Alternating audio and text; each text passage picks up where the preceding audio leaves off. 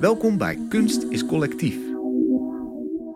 Dag, leuk dat je luistert naar deze speciale reeks over kunstenaarscollectieven. In tien afleveringen nemen we het werken in een collectief onder de loep. Welke overtuigingen liggen eraan ten grondslag? Wat is de manier van samenwerken en de kracht van het collectief? Maar het gaat ook over eventuele twijfels en frustraties. Kunst is Collectief is een samenwerking van online kunstmagazine Mr. Motley en onderzoeksprogramma Collective Making vanuit Kunstacademie Artes in Arnhem. In deze aflevering hoor je Boch, bestaande uit theatermakers Judith Diode, Benjamin Moen, Sanne van der Bruggen en Lisa Verbelen, dramaturg Roos Euwe, zakelijk leider Anne Baltus, marketingcoördinator Frederik Donker en zakelijk assistent Sanne Oleijerhoek. Boch maakt theater voor de zoekende mens, over thema's waar iedereen grip op wil krijgen, maar die te groot zijn om vast te pakken. Denk aan volwassenheid, geloof, tijd of existentiële eenzaamheid. Het begon allemaal in 2013 met de voorstelling Boch, een poging het leven te herstructureren. Op zoek naar de blauwdruk van wat later, als er zelf niet meer bent, je leven is gaan heten. In de tussentijd werd er zowel aan soloprojecten gewerkt als aan gezamenlijke Boch-projecten. En dit voorjaar ging Boch 2, een nieuwe poging het leven te herstructureren, in première. Precies tien jaar later, met tien jaar extra levenservaring en daardoor een andere blik op het leven en samenwerken. Welkom Lisa en Benjamin. Hallo. Jullie vertegenwoordigen Boch vandaag. Fijn dat jullie er zijn. Het begon allemaal met die voorstelling in 2013. Boch, een poging het leven te herstructureren. Hoe groot waren de puinhopen van jullie levens op dat moment dat jullie het leven moesten herstructureren? Kunnen we dat eens doornemen? nou, we werden groot. Ja, het was zo'n beetje. Nou. Schets het eens. Ja, we waren net afgestudeerd. Dus dan komt je en ja, wij, wij studeerden af in 2011, 2010. Ja. Dus de hele Halbe Zijlstraat net alles afgemaaid, zeg maar. Dus dat was nog een onzekere tijd voor beginnende kunstenaars. Wat dat denk ik nu nog steeds is, maar toen ook. En um, er was weinig. En ja, je hebt je hele leven op een schoolsysteem gezeten. En dan ineens komt je zo in de... In Maastricht? Ja, in Maastricht zaten we allemaal, behalve Sanne, die zat in Amsterdam. Mm dus ik denk dat we toen waren waar elke begin twintiger is namelijk zo... hoe ga ik dit leven gaan inrichten? Daar bent je dan ineens heel bewust van dat je dat zelf kunt kiezen. Daarvoor werd dat een beetje voor u gekozen door een schoolsysteem vaak, toch? Je had gewoon huiswerk tegen die dag. En dat deed je dan ook. En dan komt je ineens in die grote, vage, de rest van het leven gevoel... Daar word je nogal existentieel van, denk ik. Wij, of tenminste, wij allemaal werden daar ja. tamelijk existentieel van dus dat was de puinhoop, denk ik. Dat gevoel van zo, oké, hoe? Wat is dit eigenlijk? En, en hoe groot tot structuur moest er dus komen. Er moest iets van houvast zijn. Ja. Ja, op dat moment hadden we een behoefte aan overzicht. Over dat ding wat je het leven noemt. Ja. Uh, ja, rust. Daar was toen behoefte aan. Ja. Toen, toen wat is het eigenlijk? Controle ook wel. En zitten er dan privé dingen ook in die iedereen meemaakt op dat moment? Weet ik veel, relaties die verbroken zijn of ouders die overlijden, dat soort dingen al? Op dat moment nog niet. Dus als we spreken over tien jaar terug. Want, uh... Wat was er toen nog niet? Toen waren er ook al relaties die verbroken waren. En... Ja, nee zeker. Maar we gingen geen voorstelling over ons privéleven Oh, maken. nee, nee, nee, nee, precies. Eigenlijk hebben we dat nu net voor het eerst een klein beetje gedaan. Ja. En tien jaar geleden, uh, ja, wij kwamen ook uh, in de wereld, zeg maar, als kunstenaars, op het moment dat er heel veel ego-documenten werden gemaakt. Niet om dat af te vallen, maar dat waren veel voorstellingen over mensen die echt heel erg over hun eigen problemen vertelden, of hun eigen. Uh, hoe ze waren opgegroeid of hun afkomst en, en hoe dat ze had gemaakt tot wie ze waren. En daar zaten prachtige dingen tussen, maar wij hadden wel de behoefte om ja, iets te maken wat op een manier over iedereen kon gaan. Dat was destijds heel erg ons, ons doel. En dat wilden we zo objectief mogelijk proberen te doen. Dus daarom gingen we teksten schrijven die heel vormelijk waren. De eerste voorstelling werd dus helemaal opgebouwd. Die tekst was helemaal opgebouwd uit alleen maar werkwoorden. Niet uit een soort dagboekachtige fragmenten, maar je ging echt alleen maar in werkwoorden door die hele tekst heen. Doe eens een voorbeeld. Uh, ja, dat begon zo. Uh, groeien, groeien, groeien, verwacht worden of onverwacht zijn. Groeien, groeien, groeien. Verlaten, druk voelen, eruit willen, scheuren, openrijden. Licht zien, je hoofd naar buiten duwen, eruit geperst worden, bebloed zijn, beslijmd zijn. Geslagen worden, naar adem happen, huilen, schreeuwen, krijsen, naam krijgen. Nou, dat was dan het begin van de voorstelling was dat de geboorte. Cool dat hij er nog steeds zo in zit. Ook omdat we die zo vaak nog even moeten herhalen. Ja, ik gebruik die als we even moeten schetsen. Want inderdaad, wat is dat dan, een voorstelling, een werkwoorden? Ja. En dan uh, begint hij ook altijd met je handen zo. Ja, dat zien mensen nu niet. Maar ik zit enorm met mijn handen te, ja. te pielen, ja. Dus zo ging je dan door het hele leven heen. De stadia van het leven eigenlijk. Dit maakt iedereen mee, deze, deze dingen. Geboorte tot dood. Ja, en, dan iedereen tussen aanhalingstekens. Ja. ja. We probeerden zo volledig mogelijk te zijn in het volledige bewustzijn dat dat totaal onmogelijk was. Juist. Maar eigenlijk door die lat, ja, of ja, daar naar de onmogelijkheid te streven, dat was een beetje ons doel toen. En zo hebben we door de afgelopen tien jaar heel veel voorstellingen gemaakt die op die manier uh, ja, heel erg in de breedte over iedereen iets probeerden te zeggen. En zijn we juist nu net in bocht 2, die we zojuist hebben gemaakt, die we nu nog toeren. Die, nou, ik weet niet wanneer mensen dit horen, maar binnenkort nog op Oerol speelt. Ehm, zijn we voor het eerst eigenlijk meer naar onszelf toe gegaan. En hebben we dus weer een voorstelling over het hele leven gemaakt. Weer een, opnieuw een poging gedaan om het hele leven te herstructureren, tien jaar later. En daar zijn we tijdens het schrijven kwamen we er eigenlijk achter dat iedereen over zichzelf begon te schrijven. Dus Of ja, over zichzelf gewoon anekdotes of verhalen of gebeurtenissen uit het eigen leven begon te vissen. En die zijn we toen wel weer vrij vormelijk hebben we die geschreven. En uh, dus weer niet echt als een dagboekfragment, maar... Weer werkwoorden voornamelijk. Ook ja, in de basis weer werkwoorden, maar wel met ja, iets... Het had iets meer body deze keer qua zinlengte.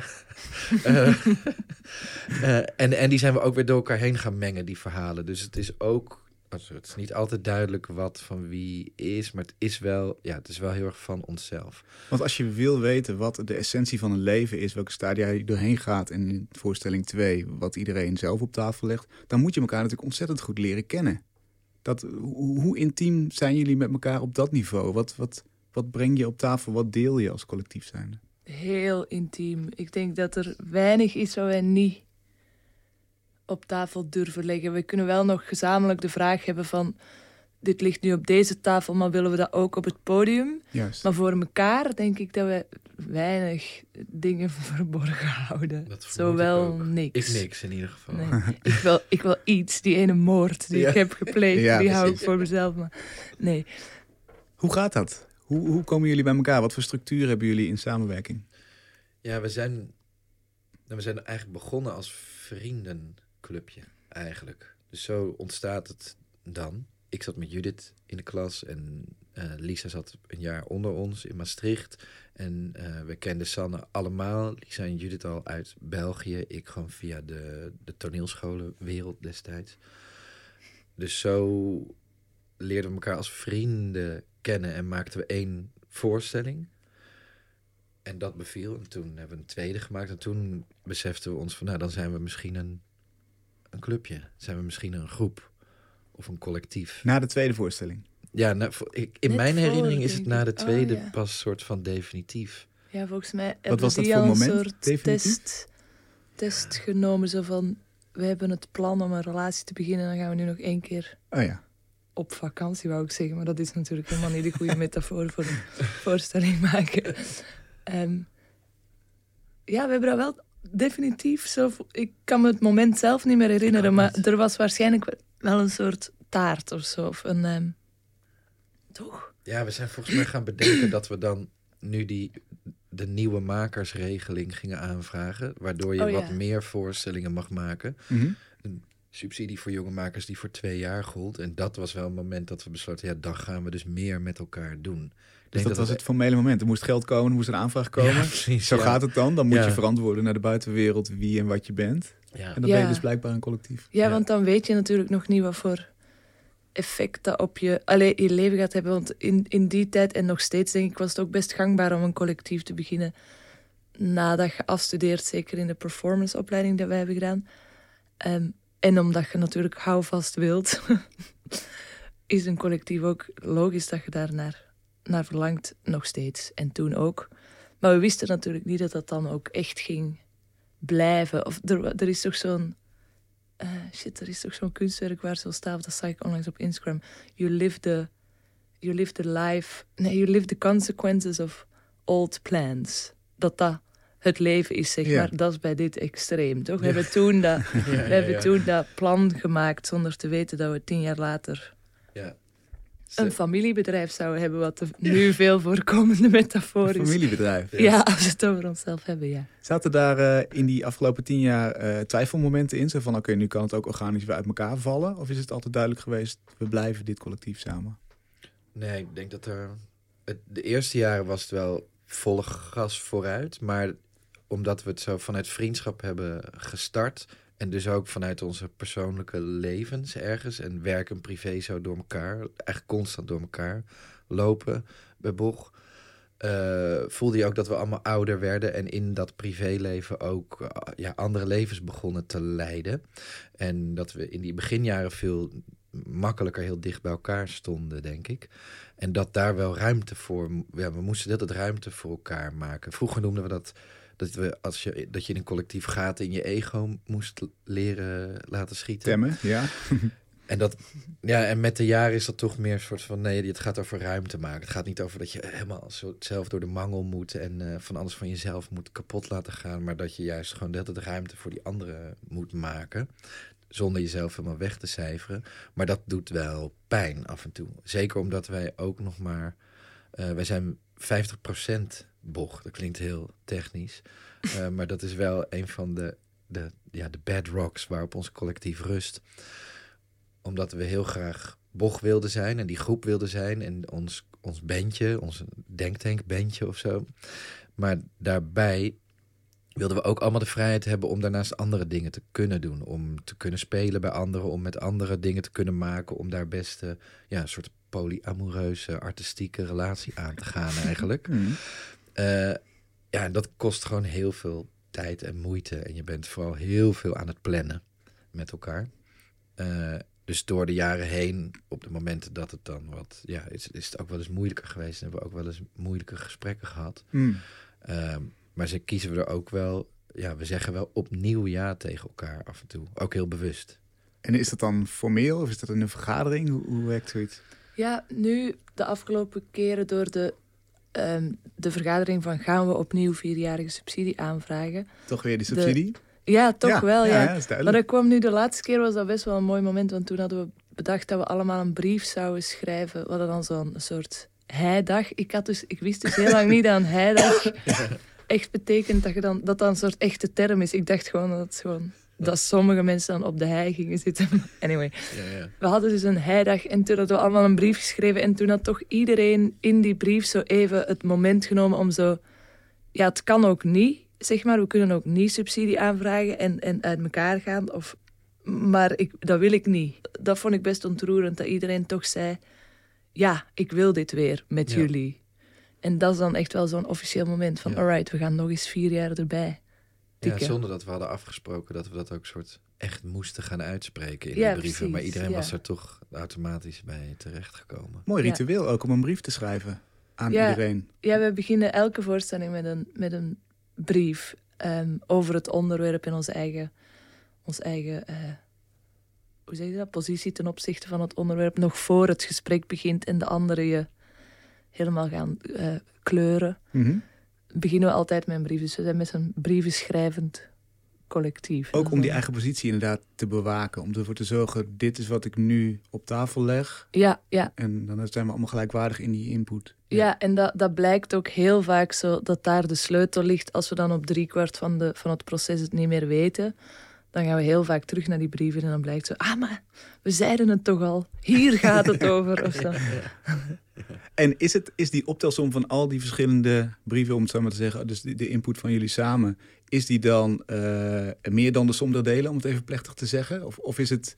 Uh, ja, is, is, is het gewoon samenwerking en dat is het? Of wordt het, wordt het meer door de samenwerking? Hoe zien jullie dat? Ik zie het veel meer als de som der delen in de zin dat ik zie Boch wel als iets van zichzelf. Of de vorige keer had het over dat het toch een soort kind is.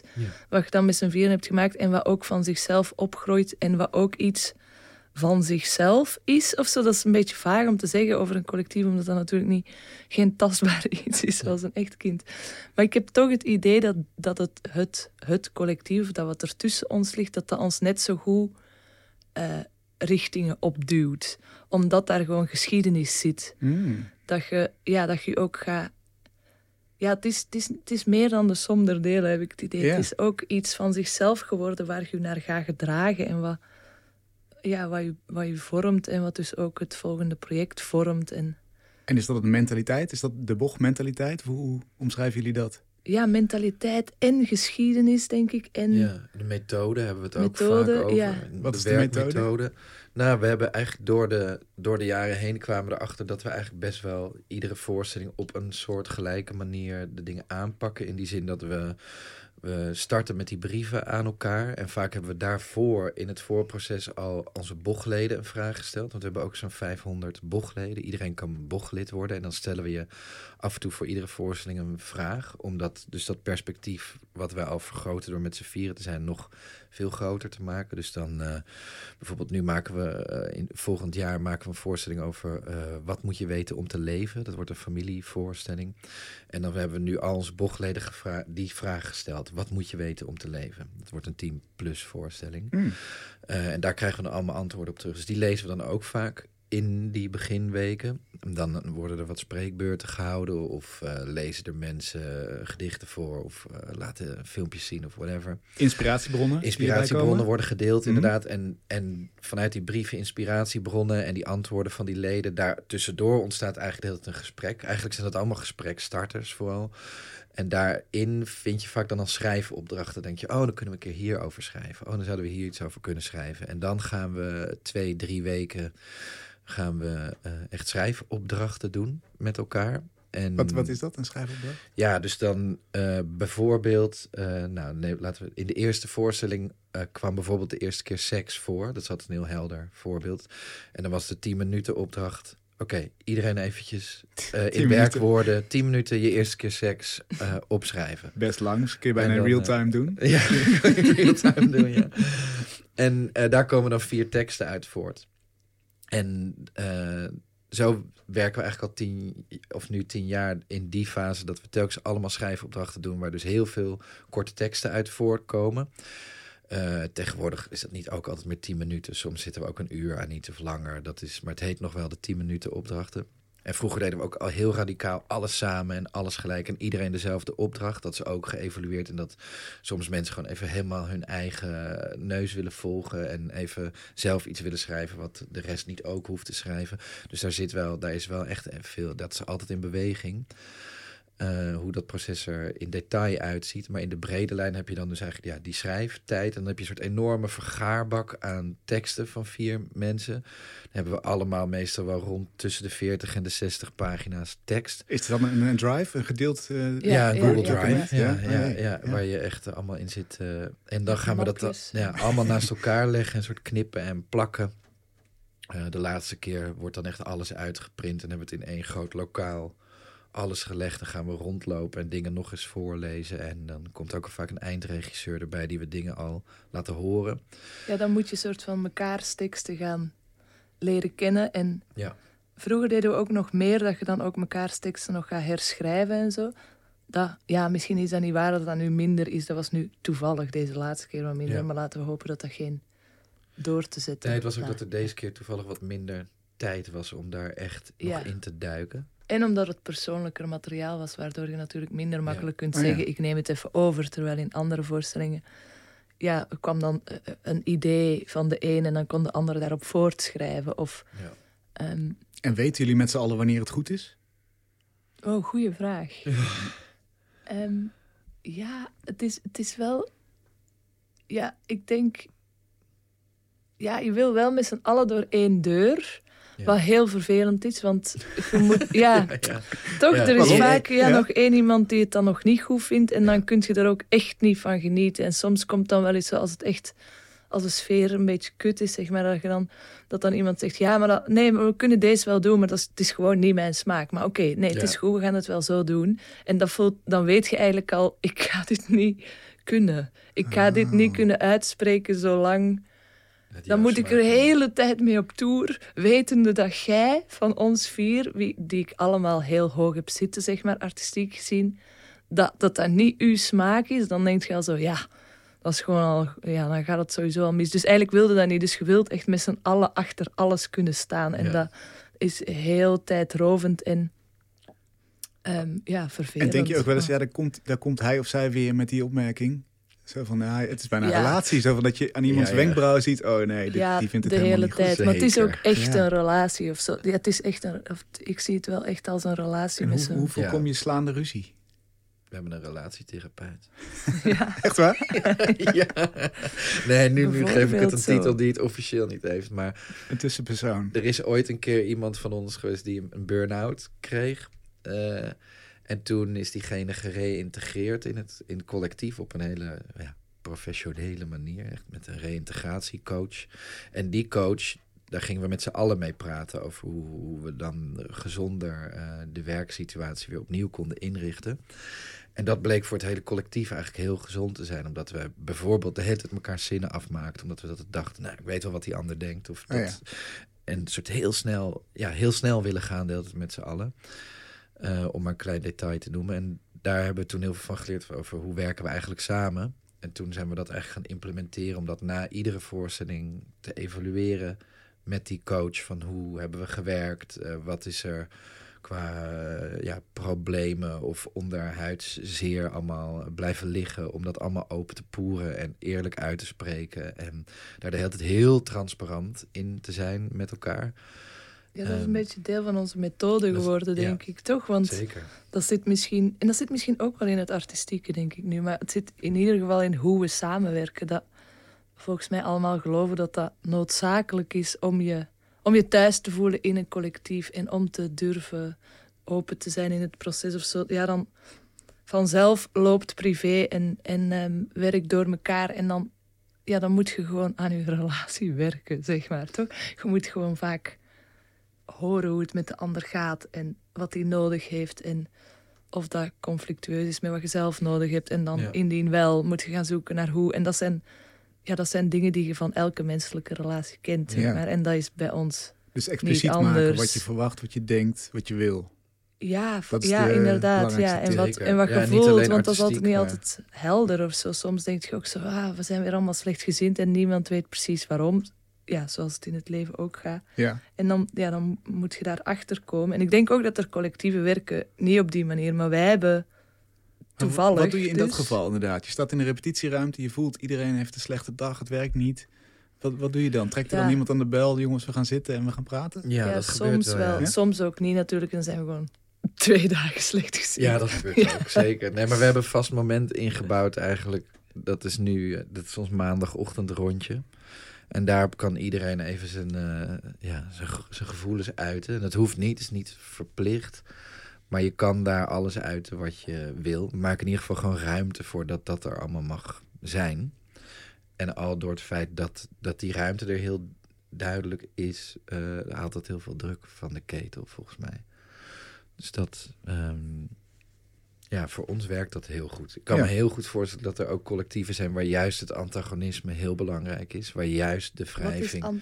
Ja, het vijandschap toch een oh, beetje of zo. Of uh, ja, een beetje. Uh, juist meer de wrijving opzoeken en dat daar, ja, dat daar ook vuur ontstaat of zo. Wat dan een beetje het, cliché is. Um, ja, het was gezegd, bij ons zijn, fungeren heel veel dingen als rond. En in de buitenwereld is er heel veel vierkante shit. dat vond ik een goede quote. Kun je dat uitleggen? Ja, we gingen een soort tekening maken voor het vooronderzoek hiervoor, voor dit interview. En toen kwam er heel snel uit dat ik, een soort, ik had een soort rondjes getekend van hoe onze, hoe onze familie eigenlijk, eh, of ons collectief dan functioneert. En wij bespreken alles, alles is mogelijk, zeg maar. En als het even moeilijk lijkt, gaan we wel een manier zoeken hoe het mogelijk kan worden. En dat vind ik een hele prettige mentaliteit. Maar de buitenwereld en dan ja, fondsen, grotere instanties, die werken ook vaak met ja, vierkanter. Als in, ja, bij ons is het zo en daar moet het in passen. Hmm. Ja, nee, zo doen wij het nou eenmaal. Hoe vaak ik die zin wel niet heb gehoord. Op alle vlakken, artistiek, met PR-afdelingen, whatever. Ja, nee, maar wij doen het nou eenmaal altijd zo. En dat vind ik zo'n zo'n irritante houding als je een kunstinstelling bent. Dat is juist niet wat je moet doen. Wij doen het nou eenmaal altijd zo. Dus dat, uh, ja, dus wij zijn in die zin rond of fluidener. En we proberen altijd door te evalueren en te kijken wat heeft het werk nodig. En ook op te passen dat we zelf niet gaan um, redeneren vanuit nee ja, bocht doet de dingen nou eenmaal zo. Ja. Of ja, nee ja, zo gaat het nou eenmaal of zo. Dat, want dan ben je soort, ja, dan ben je langzaam een soort kleine empire aan het worden of een bedrijfje. En dat is gewoon niet interessant. Alhoewel die, die subsidiestructuren je daar soms in dwingen. Uh, en we willen daar niet uit uit die structuur, maar je moet daar daarbinnen wel de hele tijd waken dat je trouw blijft aan jezelf en aan, aan, aan de artistieke kern van wat je eigenlijk zelf wil en niet wat die buitenwereld je oplegt van wat je zou moeten zijn en hoe je zou moeten functioneren. Dus dat is, uh, dat is denk ik de hele tijd. Want Lisa, je had het net over het, het kind Boch, wat tussen jullie in opgroeit als het ware. Hè? Wat, wat, is mhm. dat voor kind als we die metafoor eens verder uitbouwen? Hoe, hoe ziet dat eruit? Of is dat steeds anders per project? Oh ja, dat vind ik moeilijk om op te antwoorden. Ja, ik denk inderdaad een heel rond kind. Een heel rond? een soort baba-papa-kind. ja. Nee, want het is wel inderdaad... Uh, of ik herken dat. Ik ben natuurlijk helemaal eens met... Of natuurlijk helemaal niet natuurlijk. Ik ben het deze keer eens met wat Ben zegt. Maar um, we zoeken denk ik wel naar... Ja, er is een soort... De hele tijd vrijheid naar mogelijkheid naar, naar gesprek, naar we doen het deze keer zo. Inderdaad, ja, nu ga ik u herhalen. Maar dat is wel eigen aan bocht, denk ik. Dat. Ehm, maar ja, ik weet niet. Ik vind het een beetje een moeilijke vraag hoe, hoe dat er dan uitziet. Ik heb meer het gevoel dat, dat, ja, dat, dat er iets is wat ons dus stuurt, wat je, wat je niet echt in de hand hebt. Ja. Wat, wat op toeval berust en mhm. wat vervolgens je hele leven bepaald. het, is, heel concreet bijvoorbeeld al de keuze om drie lettertitels te maken, toch? Of dat vind ik, zo voelt er eentje die voor mij altijd zo voelt. In het begin kiezen we ervoor om iets met drie letters te maken. Of in, helemaal in den beginnen, als we echt nog naar de primordiale soep van Boch gaan, maakt Lisa een afstudeervoorstelling die al drie letters heeft. Die haalt ons erbij om samen iets te gaan maken. Dat was Meur, haar afstudeervoorstelling. en dan vraagt ze ons, zullen we ook met z'n vier iets gaan maken? Dat wordt dan Boch. En, en dan gaan we... Waarom eigenlijk Boch? Ja, het idee was om in drie letters zoveel mogelijk van de inhoud te verklappen. En we gingen iets maken over de levensboog. Maar boog heeft vier letters. Dus toen werd het boch. klinkt, het klinkt namelijk vierkant dit. Ja. we moeten drie letters. Dit is onze eigen vierkante ja, ja, ja, precies. Ja, want ik was net wel aan het denken toen je dat zei. Van, zo doen wij de dingen. Dat doen wij natuurlijk, natuurlijk ook. Maar wij zouden dat nooit als argument gebruiken. Je kunt bij ons echt niet het gesprek inkomen met... Ja, maar zo doen we het altijd. Nee, want wij want zelfs keer op keer her, dingen heruitvinden. Zeg maar. Keer op keer zet je alles in vraag. Alles wat je tot dan toe toevallig wel hetzelfde heb gedaan, zet je keer op keer een vraagteken. Ja. En daar zitten hele minieme, maar zeer wezenlijke evoluties in. En soms een kleine revolutie in hoe je de dingen aanpakt. Ja, want ook die drie letters. Er zijn ook periodes geweest dat, dat het zo dat dat even zo voelde van moeten we daar wel mee door? En ja dat er zo behoefte was aan meer letters. Ja, ja, En nu is het weer even geen vraag. Soms is het ook ineens wel een vraag. Maar we hebben ook wel een paar voorstellingen die niet met drie letters waren gedaan. Ja, precies. Ja, dat is ook wel al wel. Dus er is al wel verandering en we morrelen daar ook aan. Maar in het begin was het denk ik heel lekker om een hele heldere identiteit voor jezelf te hebben. En erachter komen, hey, dit doen we. En dit zijn we en daar staan we voor. En dat bouw je dan eerst op. En daarna moet je daar, wil je daar weer vanaf. Ga je er weer op variëren. Moet je nieuwe jas aantrekken, want dan gaat hij te strak zitten. En dan... Maar voor het publiek lijkt het misschien alsof dat inderdaad zo van dit is gewoon wat wij altijd doen. We hebben altijd drie letters, we staan altijd of vaak op een rijtje te praten, weinig beweging. Maar dat is inderdaad voor ons. eigenlijk nooit op een rijtje. Nee, want we zijn eigenlijk dat het in beweging op de vloer, eigenlijk al jarenlang. Alleen er is een heel makkelijk herkenbaar signatuur. Wat mensen je moet maar zo een seconde op een rijtje staan of we staan de hele voorstelling op een rijtje. Ja, dat is bij, wat blijft hangen bij een kijker. Ja. ja. maar voor ons is dat niet iets wat vanzelfsprekend is. We komen daar gewoon altijd uit. ja. De collectiviteit zit ook wel inhoudelijk in jullie stukken. In de voorstelling God bijvoorbeeld spreken jullie met z'n vieren een tekst uit die ook in de wijvorm staat, vaak. We kunnen niet ontkennen dat er problemen zijn of uh, we hebben de wereld verklaard, we hebben niet alles verklaard. Maar ook in de voorstelling Ben, nog, nog een keer drie letters, die uh, door corona noodgedwongen geen reguliere voorstelling is geworden, uh, is het een zelfportret van Ben in vier acteurs. Ook een soort collectieve stem. Wat vinden jullie daar interessant aan om een collectieve stem te gebruiken in die voorstellingen? Ja, het is toch zoeken naar wat ons bindt. Ik denk dat dat een van de, van de dat is misschien wel een van de kenmerken van dat kind, zeg mhm. maar. Zowel wat ons met ons vieren bindt als de als de zoektocht naar dat je er als publiek ook mee kunt verbinden, zeg maar. Dat, ik denk dat we daar altijd naar zoeken van herken je in ons, herken je in onze in wat we schrijven. En daarvoor zoekt je naar een gebied waar dat dus zoveel mogelijk kan. En dat gebied is collectief en is niet te specifiek. Want dan, of soms trouwens wel, want nu in de laatste voorstelling proberen we wel dat je kunt herkennen, net door heel persoonlijk te zijn. Ja. Ehm, maar ik denk dat dat, dat dat wel een van de basisdingen van Bog is, dat we zoeken naar, naar herkenning en naar verbinding met. Ja, en het spanningsveld tussen het individu en de groep opzoeken de hele tijd. Waarin, je, waarin beide volgens mij evenveel waarde hebben. Als je helemaal alleen maar groep wordt, dat kan heel eng uitpakken. En helemaal alleen maar individu, dat is ook eenzaam en afgesloten. En ja, op filosofisch niveau haast psychotisch. Als alleen maar je eigen waarheid nog geldt. En je moet daar eigenlijk de hele tijd tussen. Ja, ik denk dat we daar de hele tijd tussen schipperen. Tussen die twee, tussen die twee polen. Van hoe ben je hoe, wat zijn we samen en wat bindt ons en waar verschillen we in, maar waarin herkennen we wel in elkaar dat we mens zijn, allemaal, wij met z'n vieren en het publiek. En uh, hoe heeft het individu daar een plek binnen? Dus hoe mag iedereen er in al zijn verscheidenheid ook zijn? En hoef je niet allemaal hetzelfde te zijn? En hoeven we ook niet? Ja, want komt er geen dwang op het op, ja, een groep moeten zijn. Ja, want die wijtekst in God, die sprak zichzelf ook tegen. Dat was ook de vorm van die tekst. Die zei, wij geloven in God. En de volgende zin was, wij geloven niet in God. Dus dat, dat was dan weer vormelijk een soort ja. poging tot zo het gevoel van, we zijn toch wij met z'n allen, maar er is ook nog die andere wij ernaast. En die staan ook naast elkaar. En die zijn misschien, als je dan weer uitzoomt naar boven, ook een wij samen. En ja. Eigenlijk is wij een heel vaag woord, zou je kunnen zeggen. Ja, want we, dit, wij met z'n drieën zijn nu ook al wij. Ja, ja precies. En, heel, en verbindend, even verbindend als polariserend tegelijk. Of zo. dat maakt het altijd een beetje een verdacht woord. Ja.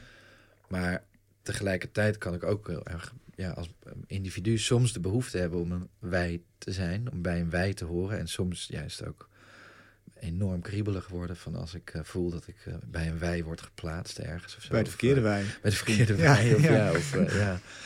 Dus dat, het, ja, het zit altijd in die, in die spanning tussen al die verschillende, ja, hoe noem je dat, sociale posities of zo. Mm. Of gewoon die manieren van zijn. Maar wel met een, ja, als vier amateurfilosofen die we denken een beetje zijn, de behoefte om ja, de wereld te begrijpen en het leven te begrijpen en daar op een manier vat op te krijgen. Uh, en daar al vrij snel achter gekomen dat dat nooit maar één waarheid kan zijn natuurlijk. Dat er alles, van alles de hele tijd waar kan zijn. En als dat dan zo is, ja, hoe doe je dat dan met elkaar? Hoe leef je dan je leven als het allemaal wel op een bepaald moment waar kan zijn? En van daaruit, uh, ik, ik, ik vermoed zelf dat dat nog steeds de onderliggende motor is waarom we nog steeds die grote onderwerpen proberen te tackelen. Ik bedoel, Daarom gaan we nu ook weer een voorstelling maken over waar, wat moet je weten om te leven. Ja, precies. Want, want jullie zijn nu tien jaar verder, tien jaar extra levenservaring. Het, het veld is uit, uitgezet als het ware in de eerste voorstelling, verkend. Dit is wat je allemaal kan doorlopen in een leven. Ja. Dan is er deel 2, onlangs in première gegaan. Wat is er veranderd aan de insteek? Het is meer persoonlijk geworden, zeiden jullie al. Ja, en het heeft een hele andere uh, structuur. Want bocht 1 had echt zo het lineaire, de lineaire structuur. Het begon bij de geboorte en dat ging tot de dood, zeg maar, in de goede volgorde. En we, toen we aan deze tweede poging begonnen, dachten we van dat is niet hoe het leven voelt. Dat doet geen eer aan de ervaring van het leven, want eigenlijk switcht je tussen toekomstdromen en tussen herinneringen en het nu. Dus je hoe het leven zich aan je presenteert, is eigenlijk helemaal niet lineair. Dus we wouden dat al in eerste instantie loslaten, wat heel eng was, want er kwam niet echt een andere structuur voor in de plaats. Mm. Dus we dachten van oké, we moeten nu niet in de val trappen van dan in een andere structuur te vallen, want we willen het eer doen aan de, aan de ervaring van het leven. En die is zo als een paling vasthouden, zeg maar, dat gaat niet. en dus er, er kwam niks. Er kwam gewoon wat er overbleef was, was intuïtie om de ene tekst na de andere te beschrijven. En we hebben ook veel meer gewerkt. Ehm, of, de, de, er zei iemand van bocht 1 waren een soort kommetjes. En bocht 2 was de invulling van die kommetjes. Dus we zijn veel meer ingegaan van hoe, hoe voelde die momenten. Je kunt wel in werkwoorden zeggen leren fietsen, um, geduwd worden door uw vader, omkijken en dan toch vallen, whatever. Maar hoe voelt dat op zo'n moment? En dat hebben we geprobeerd, denk ik, meer in bocht 2 te steken. Aan de hand van dus persoonlijk uh, te zijn. Van oké, ik ga dan in werkwoorden echt helemaal beschrijven hoe een paniekaanval voelt voor mij op dat moment. Um, dus daardoor is het een hele andere voorstelling geworden. Zit daar ook een andere werkstructuur achter? Zit er, zijn jullie anders naar het collectief gaan kijken? Ja, ik denk dat dat er net al een beetje langskwam in de zin dat we dus eh, dat dat, dat ging over dat gaten in je ego laten schieten. Of dat je dus meer ruimte maakt voor de ander, wat echt een heel wezenlijk andere instelling is. Van oké, ik moet nu gewoon individueel de pijn vangen van dat, weet ik veel, mijn teksten er niet in komen. Naar, oh wacht even, die schrijft nu dit. En dat vind ik, uh, daar heb ik een mening over die misschien niet meteen positief is. Maar ik voel dat diegene daar heel veel belang bij heeft. En dat het voor diegene wel klopt. Hmm. Dus let's go. Laten we het erin doen. Laten we het op die manier doen. Omdat ik voel dat het voor jou belangrijk is. En het voelde heel erg alsof dat deze keer veel meer de methode was. Of de werkinstelling dan vroeger. Waar we echt inderdaad echt met z'n allen door een deur heen moesten. Wat gewoon echt met z'n vieren vaak niet past. En heel erg op zoek waren naar van, van vier individuen heel erg eenvormige teksten of eenvormig helder strak concept te vinden. Um, waar dat eigenlijk nu alsnog wel is gebeurd, maar waar er in het werkproces veel meer vrijheid was om anders te zijn binnen het collectief. En die vrijheid, die, nou, die voelt heel bevrijdend. En dat voelt ook als wat we nu nodig hebben en waar we naartoe aan het groeien zijn, uh, denk ik. Is dat organischer? Je zegt nu waar we naartoe aan het groeien zijn. Is dat organischer dan het, dan het was in eerdere fases? Weten jullie waar je naartoe gaat? Nee, dat is dus dat, dat kind wat maar ergens naartoe loopt. Ja. Toch? Of dat, dat gevoel heb ik echt al. Ja. Dat, dat, dat gaat... ik weet ook niet hoe het anders zou kunnen, hoor. Ik denk dat het altijd organisch gaat, zo, hoe je, als je zo lang met elkaar samenwerkt. Ja. Uh, en nu inderdaad gaat dat meer toe naar ja, toch misschien wel meer individuen. We gaan ook minder met z'n vieren maken en meer ook in andere uh, constellaties. Dus met z'n tweeën of met iemand die een andere rol doet of zo. Dus het, we worden gewoon wat minder communistisch, zeg maar, dan in het begin. en, we, ja. en we hadden dat natuurlijk ergens al vanaf het begin erin ge... Of dat, dat zit ergens al wel in het cement van, van hoe we het ooit hebben ja, begonnen gebakken. Omdat we ons heel bewust een collectie wilde noemen en geen collectief. Dus daarom is het ook www.boegcollectie.com. Omdat we toen al voelden van oké, we zijn vier individuele makers die nu samen die groep vormen, wat dan dat, dat kind Bog is of zo. Of die, ik zie altijd een soort transformer vormen, dat je zo'n Power Ranger, weet je wel, die dan zo, die Power Rangers die dan samen met hun robots een grotere robot ja, worden. Zeker, dat, zie ik altijd een beetje voor me. Die dan e die exponentieel krachtiger wordt.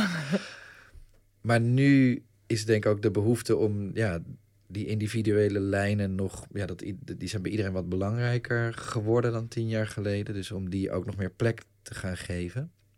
Ehm, maar dat zat er dus vanaf het prille begin al in. Van we weten dat we iets samen zijn en dat we ook allemaal iets apart zijn en dat het allemaal ruimte nodig heeft. Ja. we zijn nu natuurlijk wel, omdat we tien jaar hebben samengewerkt, zijn ook de dingen die we alleen maken gevoed door die tien jaar boog. Dus ik denk dat nu de dingen die we apart maken meer met elkaar te maken hebben dan tien jaar geleden. Omdat je er natuurlijk niet onderuit komt dat dat is wat je artistiek heeft gevormd. Dus Ben zit in me zeg ja, maar. Zeker, Daar kan ik niks aan doen. Wat je alleen maakt is ook vaak een reactie op wat er dan ook samen wordt gemaakt, toch? Op een manier. Of... Ja, en je bent zo gewend om op een bepaalde manier te denken, omdat je 70% van je tijd hebt te luisteren naar jullie. Ja. of zitten praten, maar ik bedoel...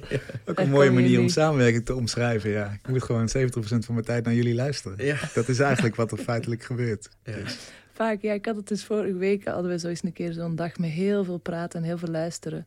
Dat ik toen heel helder zo voelde van zo, oh ja, dit is het werk. Dit is gewoon het werk. En dat, er komen de hele tijd dingen aan bod die ook een half jaar geleden aan bod kwamen. En vijftien jaar, of nee, dat kan niet, vijf jaar geleden, zeven jaar. En dat blijft je herhalen met elkaar en daar blijft je opnieuw doorheen moeten gaan. En en daar kun je dan toch nog wel de waarde van inzien? Of denk je dan niet van, oh, ik had ook uh, zelf iets kunnen doen nu op dit moment? Nee, want ik geloof wel dat dat dus het werk is. Het gaat gewoon niet anders. En wat je ervoor terugkrijgt is een, een, een huis, zeg maar. Een plek waar je je goed voelt en waar je kunt groeien. En waar je je, niet, waar je, je op je gemak voelt. En al dat soort dingen. Maar ja, dat is het werk. Je moet gewoon ja, zitten en horen en soms praten. En En al die herhalingen de hele tijd opnieuw horen. Want je botst als groep gewoon de hele tijd tegen dezelfde dingen aan. En die veranderen wel traag, maar ja. En dat, is, ja, dat is ook het leven, toch? Dat is, Zeker, ja. ja. Wat gebeurt er de komende tien jaar? Maken jullie wel eens dingen mee dat je denkt... oh ja, bijvoorbeeld, uh, dit, er gebeurt iets in mijn privéleven... dit moet ik onthouden of dit moet ik, uh, uh, moet ik, dit moet ik speciaal beleven... zodat ik het in de volgende voorstelling kan gebruiken? Gebeurt het ook wel zo? Ja, dat gebeurt mij wel, ja.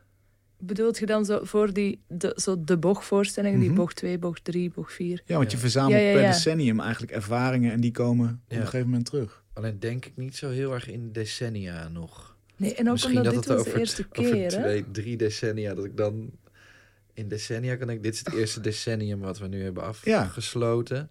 Tweede is nee, maar vaak komt wel de eerste, de ene voorstelling komt wel heel vaak uit de ander voort. En die voorstellingen die hebben allemaal hun roots ergens in dat privéleven. In, hmm. in dat individuele ervaren van de wereld en het leven. Dus dat, ja, dat, dat triggert elkaar zo wel door. Ik bedoel, na de eerste voorstelling voelden we bijvoorbeeld dat we dan heel objectief iets wilden maken. Uh, en we gingen ook veel naar voorstellingen van anderen natuurlijk. En je voelde dat er heel veel ja, dat mensen heel vaak hun mening klaar hebben over kunst of over iets wat ze kijken of luisteren of zien of wat ze eten. Dat er heel vaak snel, uh, zeker in Nederland is mijn ervaring, dat er snel een mening moet worden gegeven. En dat was een hele heldere ingeving om daarna iets over de mening te gaan maken. Zeker toen we net zelf dan iets heel objectiefs hadden geprobeerd, dachten we, ah ja, dan moeten we misschien nu iets objectiefs over het meest subjectieve wat er is. En dat is dan die mening. En toen dachten we, nu hebben we iets gemaakt over de mening. En dat was dan heel erg ehm, ehm, eh, benoembaar de hele tijd, heel erg in woorden te vatten. Mhm. En da vandaar kwam de behoefte om iets te maken over het meest onbenoembaar. En dat was dan God. Eigenlijk, en God stond een beetje voor alles wat niet te benoemen valt. Of wat je eigenlijk met woorden niet helemaal vast kan pakken in de menselijke ervaring. En zo vloeit soort het ene, de ene voorstelling vloeit vaak wel in de ander door. En ondertussen hou je de hele tijd wel dat op in je, ja, in je privéleven. Waar je shit meemaakt. Lijkt me best een prettig idee dat je door het leven kan gaan met een soort filter van, nou ja, misschien maak ik iets heel kuts mee, maar het kan altijd nog in een voorstelling terechtkomen. Of, of ik heb mijn, mijn, mijn huis, mijn familiebedrijf, ja, dat is mijn kind. Lekker daar, eh, kunst maar, maken natuurlijk. Of, of denk dat alle kunstenaars dat doen, toch? Dat je gewoon als een soort ja, met de hele tijd zo als een grasmaaier shit. Of, uh, als een, ik, dat is wel echt niet waar ik aan denk als ik iets kut meemaak. Nee? Ik denk zo, oh gelukkig. Voer. Voer voor... Ja. Nee. Nee, dat denk ik ook niet. Maar vaak komt het daarna wel... Ja, ja het, wel... het, is, maar het is eerder van wat je raakt in het leven toch. En dat zijn zowel de... de dat, dat, dat, zit, dat zit niet echt alleen in het als je iets kut meemaakt. Toch gewoon wat, wat van belang is of wat, wat je raakt, neemt je mee. Um, maar ik moet wel zeggen dat bocht 2 me in die zin echt overkwam weer. Dat ik echt dacht, oh wow, nu moeten we iets over het leven maken. En dat is dus dit leven. Het voelde ook een beetje als een soort tussentijdse test soms. Ah. Alsof ik zo, ik had toen pas door van, oh dit gaan we elke tien jaar doen. Elke tien jaar gaan we opnieuw moeten kijken naar dat ding. Dat vond ik best confronterend. Dat je denkt, oh ja, oké. Wow, wat een idee hadden we op ons twintig. En waar we ons nu aan moeten houden. Gewoon omdat we toen dat idee hadden. Dat voelde ook eventjes een paar dagen best wel kut. Dat ik dacht, godver. Het is ook living met de consequences van Absoluut. Ja. Het is ook artistiek ingebed. Ja, uh. ja, en dan van twintigers. Want het is zo'n typisch idee van twintigers, toch? Ik zou nu niet meer zo snel dat idee hebben van zo... Oké, we gaan iets tot onze dood... Ja, ja. ja dat, dat, hebben we dus afgesproken. Ja. Oh ja, Misschien ja. ja elke tien jaar een voorstelling. Ja. Luisteraar. Ja. Ja. Ja, iedere, dat we het iedere tien jaar opnieuw gaan doen. Dus eigenlijk is het veel te dwingend van die twintiger ja, maar ik, ik hou me er echt zeker aan. Er is geen haar op mijn hoofd die denkt... Fuck it, volgende keer over tien jaar doe ik misschien niet mee. Dus ik, ik neem het wel heel serieus. Maar ja, het is nogal wat. Ik voelde het echt pas deze keer, wat natuurlijk logisch was. Want het was de eerste keer van zo... Oh, dit wordt echt een, een levenswerk. Daar kom ik nu niet meer onder uit. Mhm. Ja. Want ook als we uit elkaar gaan of als er iemand sterft van ons of zo, dan moeten we gaan doorgaan. En dat, is, ja, dat, dat, was gewoon zo een cool idee als twintiger. Maar ik heb het idee dat ik dan nu dan al een beetje begin te voelen van zo, wow, yo, dat gaat... Het was alsof jullie een tatoeage gezet hebben, heel zichtbaar. Die waar je gewoon niet meer onderuit kan. Die is er gewoon de rest van je leven. Ja, op de ziel. Ja. Een tatoeage op de ziel. Ja. Maar toch ook wel een mooi, mooi romantisch idee. En ja, tegelijkertijd, ja, inderdaad, iets van het verleden. Interessant. Ja. Ik ben het er ook echt mee eens hoor, maar ik, zou, het is gewoon, ik voel me ook een beetje trapped door die... En als het inderdaad gebeurt dat, dat er iemand uit het collectief overlijdt, wat hopelijk nog, nog lang niet gebeurt. Even kloppen. Ja, even kloppen. Komt dat dan in een voorstelling terecht? Is het zo echt? wel. Ik denk echt dat het dan een hele verdrietige... verdrietige ja, worden, ja, dat denk ik ook. Het zal ook wel een soort begrafenisritueel zijn. We hebben daar wel eens over om gelachen. En dan het, dat het idee van, ah, dan blijft er misschien op zijn honderdste nog eentje over. Die dan in zijn eentje nog, uh, nog bocht uh, acht of negen moet uh, maken. Maar pas stond ik op de vloer de voorstelling te spelen en dan naar jullie te kijken toen ik een lange tijd stil moest zijn. Omdat iemand anders, volgens mij was dat tijdens jouw monoloog. 70% van de tijd. 70% van de tijd stil zijn. Ook in de, ook in, in de voorstelling, ook 70% van de tijd het luisteren naar de rest. En toen kwam het even heel hard binnen dat ik echt dacht van, oh ja, maar wat als een van jullie er echt niet meer is? En toen werd ik wel echt tijdens de voorstelling verdrietig. Dat ik dacht, fuck, dat wordt dat wordt helemaal niet leuk. Dat is niet alleen maar een geinige PR-stunt. Dat wordt ook heel pittig. Hoe ga ik dat doen?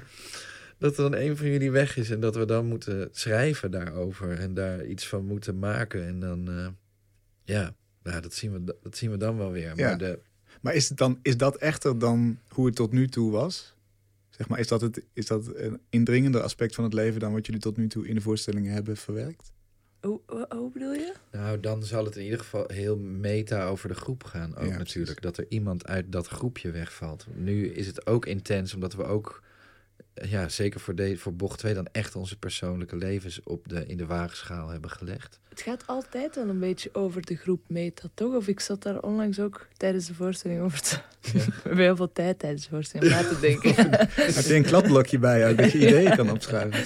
Maar omdat je zo voelt, we zijn nu zo lang bezig. Ik denk dat dat zelfs voor een publiek die ons niet hebben gevolgd of die niet alles hebben gezien, dat je toch wel iets voelt. Je voelt wel een, een viertal wat extreem op elkaar is ingespeeld. En wat, ja, dus dat, volgens mij gaan al onze voorstellingen, als we met z'n vier daar staan, ook over daar met z'n vieren staan na al die jaren samenwerken. Daarom is het ook een familiebedrijf. Daarom klopt die term zo goed. En dat is ook, ik, ik sta daar ook helemaal achter. Ik vind dat ook waardevol in, de, in soort van het werkveld. Dat er ook groepen zijn die op die manier de, de, ehm, de diepte ingaan.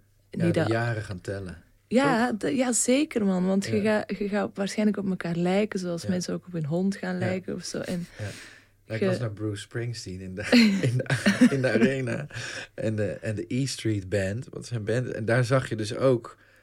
Deze, ik weet niet wanneer ze begonnen zijn, maar wel, denk die bestaan 50 jaar of zo, denk ik. En dat je zegt, de helft van de waarde was echt dat zij zo, dat je voelt, jullie hebben dit zoveel met elkaar gedaan. Dat, was, dat, was, dat gaf ook heel veel extra lagen aan al die liedjes en al die, ja. Ja, ik vind dat ook iets moois waar ik echt en dat wordt gewoon alleen maar meer, toch? Daarom wordt het waarschijnlijk ook moeilijker om eruit te stappen. Ja. toch een soort werkcontract uiteindelijk, ja. Toch is hij aan de duivel verkocht. Ja, precies. Nou, de mensen die jullie willen zien leiden op het podium... die kunnen gaan naar uh, bochtcollectie, dus zonder f.com. Daar staat de speellijst. Ja. En ik hoop dat jullie met, uh, met z'n vieren in ieder geval op het podium... nog uh, bocht 8 of 9 kunnen maken. Daar gaan we vanuit. Leuk dat jullie er waren, dankjewel. Fijn ja, dankjewel. Tot zover Kunst is Collectief als speciale reeks van Kunst is Lang. Een samenwerking van Mr. Motley en onderzoeksprogramma Collective Making van Kunstacademie Artes. Volgende week een nieuw collectief. Graag tot dan.